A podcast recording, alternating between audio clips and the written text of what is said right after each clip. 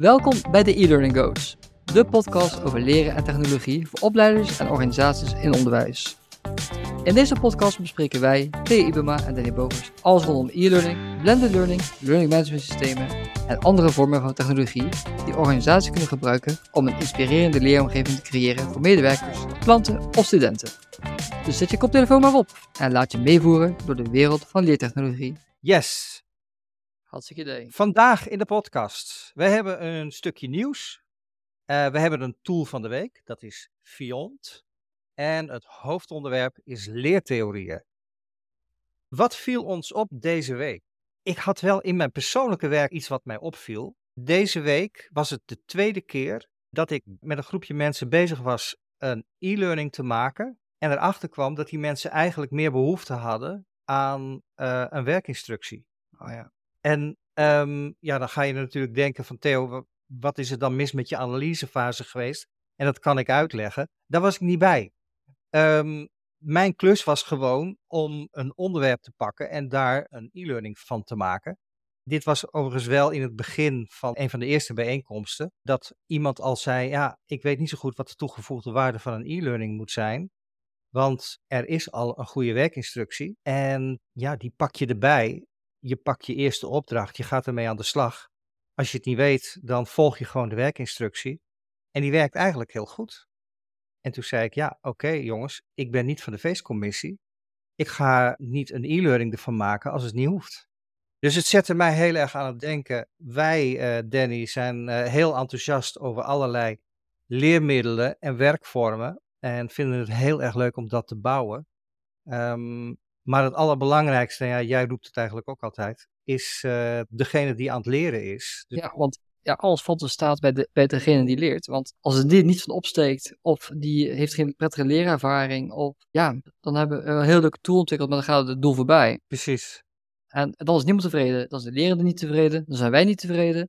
Ja. Maar is de klant, de opdrachtgever, is dan eh, vaak de, de werkgever dan van, die, eh, de lerende. Ja. Die is ook niet tevreden. Ja. Dus ehm, het begint allemaal bij de lerende. En Ja. dat we die te, zoveel mogelijk tegemoet komen. En natuurlijk, er zijn altijd kaders. Hè? Ik bedoel, Ja. eh, dat weet je, we hebben het vooral vanochtend nog over gehad. Hè? Van, eh, je hebt eh, technologische kaders, eh, beperkingen, eventueel eh, eh, security-wise, eh, budgetair. eh, tuurlijk. Maar altijd kijken van met de, met de mogelijkheden die je hebt, hoe we kunnen, hoe kunnen we nu de lerende zoveel mogelijk ondersteunen. Ja. En een zo goed mogelijke leerervaring eh, aanbieden. Had jij nog dingen die je opvielen deze week? Wat is me opgevallen deze week? Eigenlijk een beetje aansluit op jouw verhaal natuurlijk. Een gesprek gehad met een mogelijke opdrachtgever. En dat ging inderdaad ook over ehm, de behoefte om, om eh, ontwikkelde e-learning in, in eigen hand te kunnen eh, onderhouden. Ja. Die, die behoefte zien we, zien we niet altijd, maar wel vaak. En weet je, dat, dat, dan werd er heel erg gekeken van, oké, eh, de docenten of de, of de mensen die uiteindelijk de inhoud moeten gaan bewerken, waar kunnen die nou prettig mee werken? En natuurlijk is dat belangrijk, maar ook daar, wat komt er dan uit? Uit die tool. Ik bedoel, ehm, als jij bij spreken het, woord, het eh, programma kladblok gebruikt, dan kan je op tekst verwerken. Maar als je doel is eh, een gelikt contractje op te maken, dan, weet je, dan, dan mist al het doel. Maar het is wel tekst verwerken. Dus we kunnen ook zomaar zeggen van, joh, iets ontwikkelen in een tool waar zometeen de, de trainer het makkelijkst mee uit de voeten kan. Maar laten we eerst even checken waar, de lerende nu bij gebaat is. Ja. Want die persoon die onderhoud pleegt, die, dat is ook maar een passant. En als die weggaat, die lerende blijft. Dus je moet gewoon echt eh, de focus hebben. En natuurlijk is het belangrijk dat men dan zelf de cursus dan zou kunnen onderhouden. Dat is niet prio 1, lijkt mij. Nee, jij vindt de eerste prioriteit moet zijn dat de tool past bij de doelgroep Ja. waar je hem voor gaat gebruiken. En als die dan Ja. iets ingewikkelder is, ja, investeer daar dan in, zodat de interne opleider daarmee kan werken of besteed het uit. Nou, precies dat. Ja, En, en weet je, dat heeft ook een voordeel, hè? want die kan ook weer die trainer eh, inspireren om betere content mee te maken, om in die tool te duiken. Ja. Ehm, je hebt het wel over je, over, je, over je mensen, over je organisatie, want het fundament van zo'n organisatie, van de groei, is natuurlijk doorontwikkelen, is leren. ja.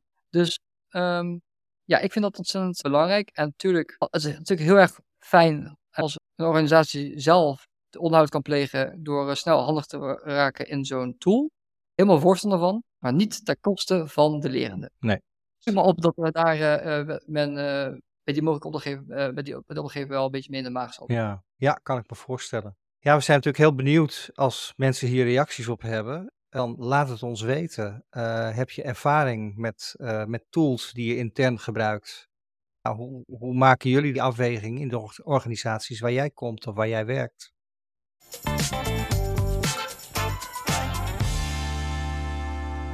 Tool van de week deze keer, dat is Viont.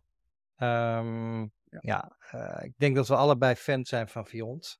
Uh, Jij niet? Ja? Jawel, jawel. Nou ja, ik ben een groot fan van Viont, omdat het uh, nou, op, dat je op een eenvoudige manier leuke animaties kan creëren. Ja. Dat, vind ik, dat vind ik nummer één leuk van Viont.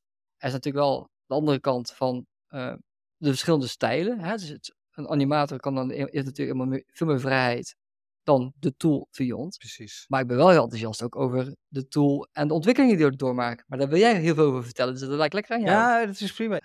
Uh, Viont werd opgericht in 2007 en het was oorspronkelijk bekend als GoAnimate. Uh, het bedrijf is gevestigd in Californië. Uh, in 2018 onderging het een rebranding en werd de naam veranderd naar Viont. Ik heb me altijd afge afgevraagd waarom ze nou die naam, want GoAnimate was zo'n leuke naam. Wat ze daar zelf over zeggen is dat dat was om de focus op een brede scala aan professionele toepassingen te benadrukken, waaronder e-learning, marketing en bedrijfscommunicatie. Ik denk dat ze zich een beetje gepinhold voelden, uh, een beetje gevangen zaten in dat het over animatie ging. Maar zij dachten, ja, maar het gaat niet over animatie. Het gaat over verhalen vertellen. Het gaat over uh, wat onze klanten doen. Ja, jij hebt ook uh, Fiont veel toegepast, hè? Zeker, in het begin inderdaad vaak genoeg. En uh, uh, nu ben ik natuurlijk zelf, zelf als persoon geen ontwikkelaar eigenlijk meer. Ik, uh, ik heb daar natuurlijk een beetje uit afstand een beetje van genomen. Maar ja, Vions, weet je, het is zo eenvoudig, maar het is ook zo snel. En het, je kan er echt heel snel professioneel, professioneel beeld van maken. Dat vind ik heel fijn. Je hebt geen applicatie nodig, het is zo'n browser. Maar ehm, ja, ik vind originaliteit altijd nog wel een dingetje. Dus ik vind heel vaak, ja. als het goed genoeg is en de, en, de, stijl is niet zo spannend, dan is, vind ik prima om een Vion te gebruiken. Ja, Alleen, uh, we, werken natuurlijk ook vaak genoeg met mensen die heel goed kunnen animeren. Ja. En die hebben een eigen stijl, eigen originaliteit en natuurlijk nog meer vrijheid. Want die met, bij elk softwarepakket waar je werkt, zit je vast aan bepaalde kaders natuurlijk. Ja. Um, dus, ik, vind altijd van, als je iets origineels kan maken, kies dan, maak dan iets origineels. Maar inderdaad, als het binnen de kaders van de opdracht valt en, en je kan er gewoon een heel mooi product mee maken, dan moet je er animaties van maken. Dan kan ik het zeker aanraden. Maar wat ik wel heel, heel fijn vind aan Viont in de afgelopen jaren, is dat er, ja, je, je gaf al aan, de omgevingen en alle, alle props die erin zitten en zo, dat die steeds uitgebreid worden, continu. Maar ook de features, de gebruiksvriendelijkheid. En nu even terugkoppelen over naar aflevering 1, toen we het hadden over AI. Mm. Er zit nu ook een, eh, een AI, een, met, dat, je, ja, dat je video kan genereren met een prompt. Ja, precies. En je hebt ermee te stoeien. En volgens mij was je er wel uh, enthousiast over. Ja, zeker. Ik heb geprobeerd met een prompt inderdaad. Een, uh, heb ik nou een prompt gemaakt of heb ik gewoon een tekst gewoon zo ingevoerd? Nee, ik denk dat ik het met een prompt heb gedaan. Maar je kan ook gewoon je tekst invoeren en dan maakt hij er uh, automatisch een video van. Hij gebruikt daarvoor de dialoogvorm. Dus je krijgt uh, iemand die het wil weten en die vraagt: Goh, hoe zit dat nou eigenlijk met de, de, de, de onderwerp? En uh, een verteller die dat gaat uitleggen en die vervolgens vragen gaat beantwoorden. Dan zetten zij twee poppetjes in beeld. En op die manier weten ze heel snel een op, ja, op AI gebaseerd filmpje in elkaar te zetten. Als ze weten dat het bijvoorbeeld in een industriële omgeving uh, moet plaatsvinden, nou, dan pakken ze die achtergrond er meteen bij. Ja, en dat, ja is gewoon leuk. En uh, ja, wanneer zou je echt een animator inhuren? Nou, um, ik denk dat het, de grote voordelen van een animator is uh, dat het veel origineler is. Dat op het moment dat je je brand goed wilt neerzetten, je wilt echt jouw product op een unieke manier neerzetten, ja, dan, dan zou ik eerder een, een echte animator uh, inhuren. Nou, wat, wat ik nog wel een voordeel vind van de animator ten opzichte van Viont, want even tussendoor, want Viont zijn we inderdaad allebei fan van. Uh, een animator denkt bij je mee. Ja, ja die gaat bij je aan tafel zitten, die overlegt, is dit mooi, is dat mooi? Ja. Weet je, die, die, je in plaats van je zelf heel te prutsen binnen een beperkte stijl, zeg maar, eh, is, een, is een animator van, joh, joh ja, die, die kan, ja, ik zeg, die is wat flexibeler en die kan, die kan mee meedenken. En die is natuurlijk ook gewoon ervaren in het maken van illustratie en animatie voor een klant. Ja. Dus die, die weet wel een beetje van, eh, die begrijpt snel waar je naartoe wil. Ja. En zo'n eh, tool, softwarepakket, het is maar een software- software- softwarepakket en die moet doen met jouw input. Ja. Dus eh, ehm, Ja, en dat is Eh, toch wel, hoe, hoe makkelijk het ook is, het, het hangt heel erg af van jouw e- eigen vertelvaardigheid of dat een, eh, een leuk eindproduct wordt. Als je gebruik maakt van Viont, heb ik nog wel een paar tips uit de praktijk. Hou het kort. Zorg dat je een goed script hebt, wat, wat heel compact jouw boodschap overbrengt. En ga dan pas in Viont aan de slag.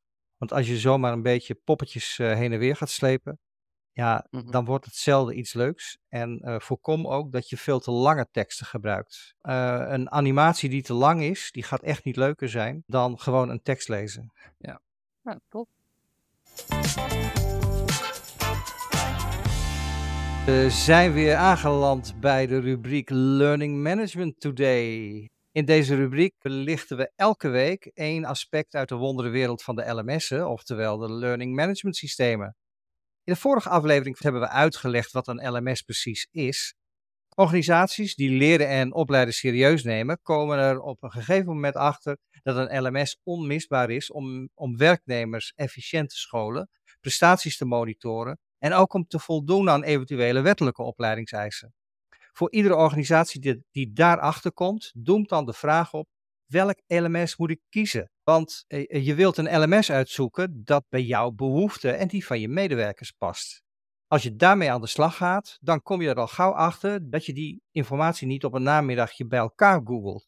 Het aanbod is namelijk gigantisch, er worden je gouden bergen beloofd, maar met wie moet je in zee gaan? En daar komt het onderwerp van vandaag om te hoek kijken: marktconsultatie. Danny, wat is marktconsultatie? Ja, ja het, is eigenlijk gewoon een aanvraag van de organisatie. Eh, vaak zie je dat via Tendernet ook voorbij komen, bijvoorbeeld, eh, of, aanbestedingssites. En dan in plaats van de aanbesteding wordt er een marktconsultatie eh, uitgezet. Waarin eigenlijk gewoon gevraagd wordt aan de markt van wat, wat, wat is op de markt ver- verkrijgen, wat is normaal. In zo'n marktconsultatie staan dan vaak een aantal vragen. Is er een systeem op de markt met, met deze lijst van requirements of, of wensen? Is dat reëel? Welke kosten moeten we aan denken? En dan, als die marktconsultatie uitstaat, dan gaan de bedrijven erop reageren met eh, hun. Ja, en die bieden dan informatie aan, aan de vragende. Hè? Dus, dus eh, die geven antwoord op de vragen vanuit hun referentiekader. En vanuit hun product natuurlijk ook, wat ze zelf aanbieden. En dat helpt dan degene die de marktconsultatie hebben uitgezet om hun aanbesteding eh, of hun opdracht scherp te stellen. Oké. Dus dat is eigenlijk een, een Oké, marktconsultatie. dus het is eigenlijk een proces wat je, wat je inzet voordat je een aanbesteding gaat uitzetten. Ja, Correct. Ja, oké. Ja. Ja, het is niet altijd zo, maar dat wordt, wordt regelmatig gedaan. Ik zie het toevallig nu bij een opdrachtgever gebeuren. Ja, Ja. ja.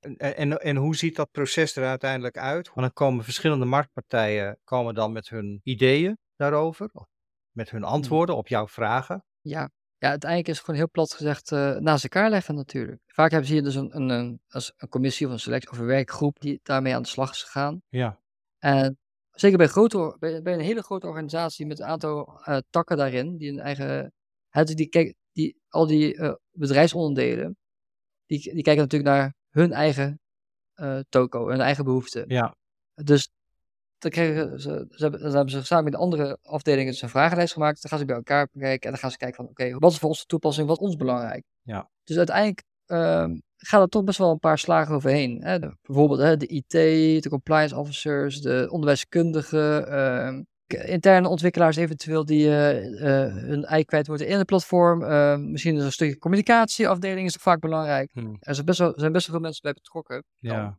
Ah ja, die gaan gewoon bespreken van, ehm, eh, die gaan snijden. Ja. Die gaan gewoon wegstrepen tegen elkaar. ehm, en dan kijken van, joh, ehm, is er een systeem op de markt of, eh, wat, in onze behoeften voorziet, of systemen vaak dan, hè, aanbieders. Mhm. Want anders is daar natuurlijk wel vaak ja op, want eh, er is zoveel, zoveel aan te bieden tegenwoordig. ja, En dat helpt hen om hun vraag uiteindelijk scherp te stellen. ja, ja. Klinkt als een hele exercitie, maar wel heel goed om te doen. Precies. Het is wel eh, het is een invest- een tijdinvestering, maar uiteindelijk levert het ook weer veel op. Klopt. Danny, welke vragen moet je jezelf eigenlijk stellen als je een Ja, geschikt LMS eh, wilt vinden? de lijst is nooit compleet. Dus ik heb, ik, ik heb, ik heb er gewoon een, eh, ik zal een paar tussenuit pakken. Kijken wat de huidige situatie is. Dus hoe is leren en of opleiden dus nu ingericht binnen de, huidige, binnen de organisatie? Mhm. En in hoeverre is dat eh, makkelijk over te hevelen naar de bestaansstructuur over te hevelen naar een, een platform, een LMS. Mhm. Dat is er eentje van. Ja. Wat zijn de toekomstvisies en ambities van de organisatie? Want alles wat je vandaag aanschaft, eh, je moet ook weten waar je naartoe wil. Hè? Dus als je in de toekomst, eh, als je nu nog geen gebruik maakt van e-learning, maar je wilt het over een jaar wel doen bijvoorbeeld, dan is het wel handig dat je LMS eh daarop op eh, ingericht is. Mhm. En hetzelfde gaat voor dingen als competentiegericht leren of, of, of bepaalde rapportagemogelijkheden bijvoorbeeld. Oké. Dus dat is wel belangrijk om te kijken, verder te kijken dan de huidige situatie, maar vooral waar gaan we naartoe. Mhm. Ja, welke leervormen wil je inzetten? Eh, dat is eigenlijk hetzelfde ver- verhaal. Ehm, wat is de huidige situatie? Waarvoor wil je het nu gebruiken en waarvoor wil je het in de toekomst gebruiken? Mhm. Ehm, even kijken, wat is, nog, een- wat is nog een leuke die je tussen hebt staan? Ja, wat je net Eh, vertelt, eh, welke leervormen je wil gaan gebruiken, hoe, Ja. hoe beïnvloedt dat je keuze dan? Nou ja, als jij blended learning, om even iets te pakken, dus een, Mhm. of een, dus een combinatie van klassikale trainingen, e-learning en on-the-job trainingen bijvoorbeeld gaan gebruiken, Ja. dan zou, zou het dan wel eh, met elkaar aansluiten op elkaar moeten eh, te verwezenlijken zijn. Hè, dus eh, het e-learning kan, kan een los item zijn, een on-the-job training of een klassikale training kan een los item zijn. Mhm. Maar als je een blended learning traject in wil gaan, dan zou het fijn zijn als je een leerpad zou kunnen maken waarbij deze drie of andere vormen elkaar versterken of Ah, aanvullen in een soort van, van een reis. Ehm, Ja. eh, als je besluit, zeg maar, als je denkt van nou, ik wil helemaal geen e-learning eh, gaan gebruiken of, digitaal, of digitale eh, hulpmiddelen überhaupt, ja, dan, dan kan je misschien nog veel kijken naar een veel meer richting een meer een echt administratief systeem gaan kijken, bijvoorbeeld. Oké. Ja, dan kan je met een veel, oplo- veel simpelere oplossing of zelfs met een Excel-lijstje kun je nog. eh, Ja, ja bijvoorbeeld. Hè. Ik bedoel inderdaad, je moet, je moet vooral altijd kijken, wat gaat je opleveren? Hè? Want Ja.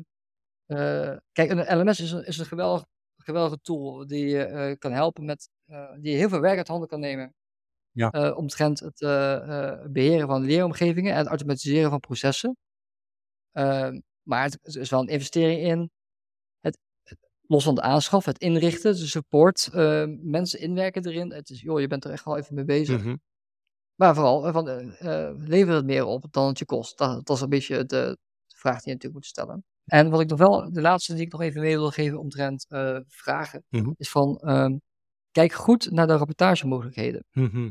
Want, eh, nou, meten is weten. Dus je wil gewoon weten van, eh, wat, moet, wat heeft men gedaan en wat gaat men doen. Ja. Maar als je een goed LMS hebt, wil niet zeggen dat, dat een rapportagetool altijd even goed is of uitgebreid is.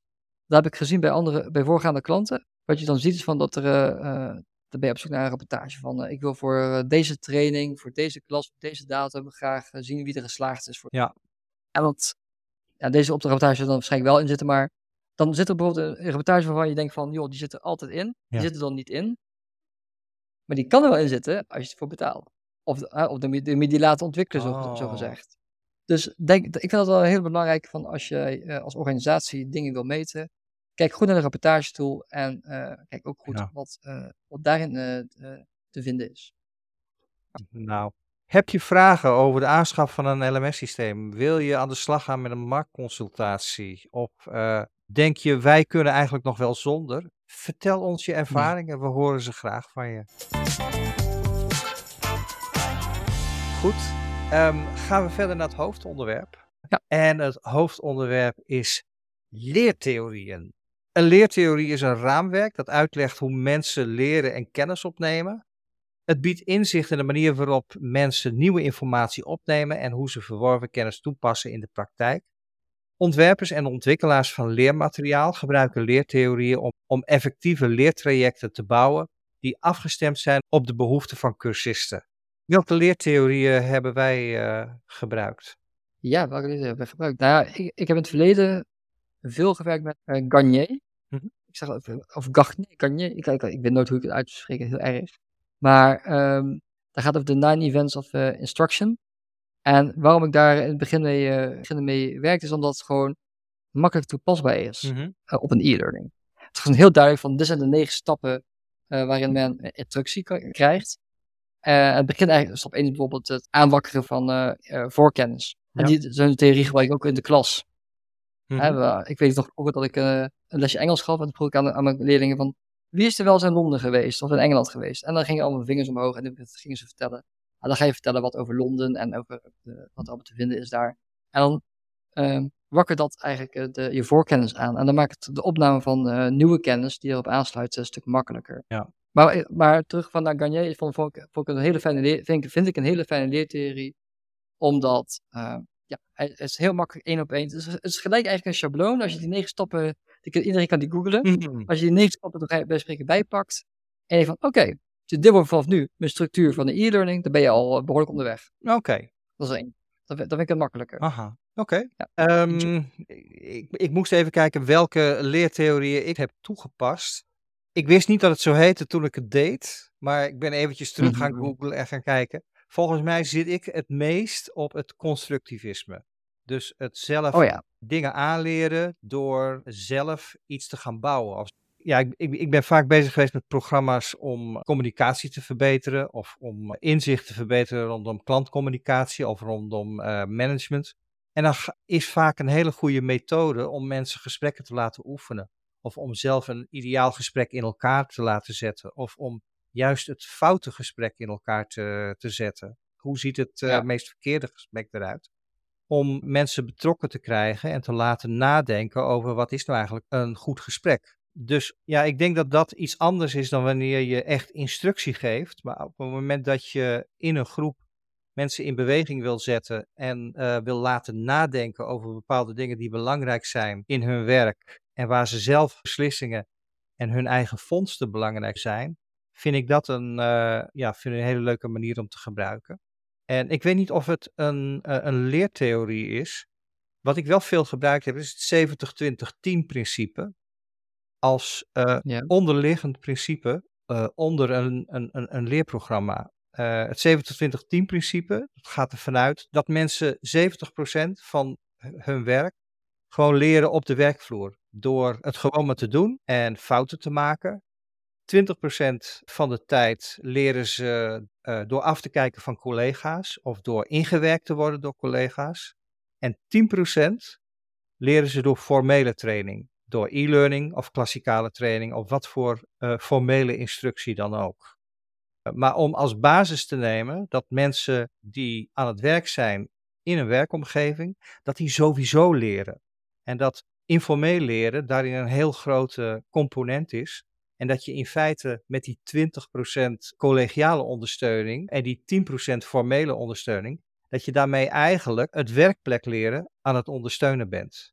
Dus je past dat alleen maar toe om te zorgen dat mensen voor die momenten waarop ze risico nemen, of of voor die momenten waarop ze uh, hele kritische taken moeten verrichten, die je niet zomaar uh, zonder risico in het werk meteen kan, kan toepassen. Puur daarvoor richt je ondersteuning en, en formele training in. Ja. Dus dat betekent ook dat, dat je met die formele training die je dan wel geeft, dat je daarmee probeert heel dicht aan te sluiten op de, de normale manieren waarop mensen al kennis tot zich nemen. En ik weet niet of dit een leertheorie is, maar het is in ieder geval een model wat ik, uh, wat ik veel gebruikt heb. Ja. Ja, er zijn, zo, er zijn ook zoveel modellen en leertheorieën. Het is allemaal is een soort van toepasbaar. Precies. Is het altijd belangrijk om een leertheorie te gebruiken? Ja, ik vind sowieso een, een onderwijskundige basis is, is, een, uh, ja. is een vereiste. Want voor mij is, het, uh, is ons vak uh, voor het gemak e-learning. Ja. En de i is maar één letter en learning is de rest van het woord. En voor mij moeten we daar ons even op focussen, op learning. Mm -hmm alles wat je doet met het, als je, als je in de e-learning en als je kijkt naar, naar, de structuur, naar de toetsing, naar het animeren, de interactie die je maakt.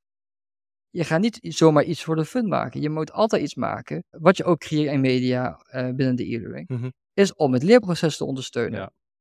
En dan is het verrekte handig om een leertheorie toe te passen, want dan heb jij als, als uh, ontwerper uh, en bouwer, heb je een houvast van dat jij in ieder geval een pad volgt die bewezen track record ja. hebt. Um, het geeft je houvast, het, uh, het houdt je ook uh, scherp door niet tere latijntjes eraan toe te voegen, zeg maar. Ja. Onnodig. Ja. Voor mij is een leertheorie de kortste weg naar succes. Ja.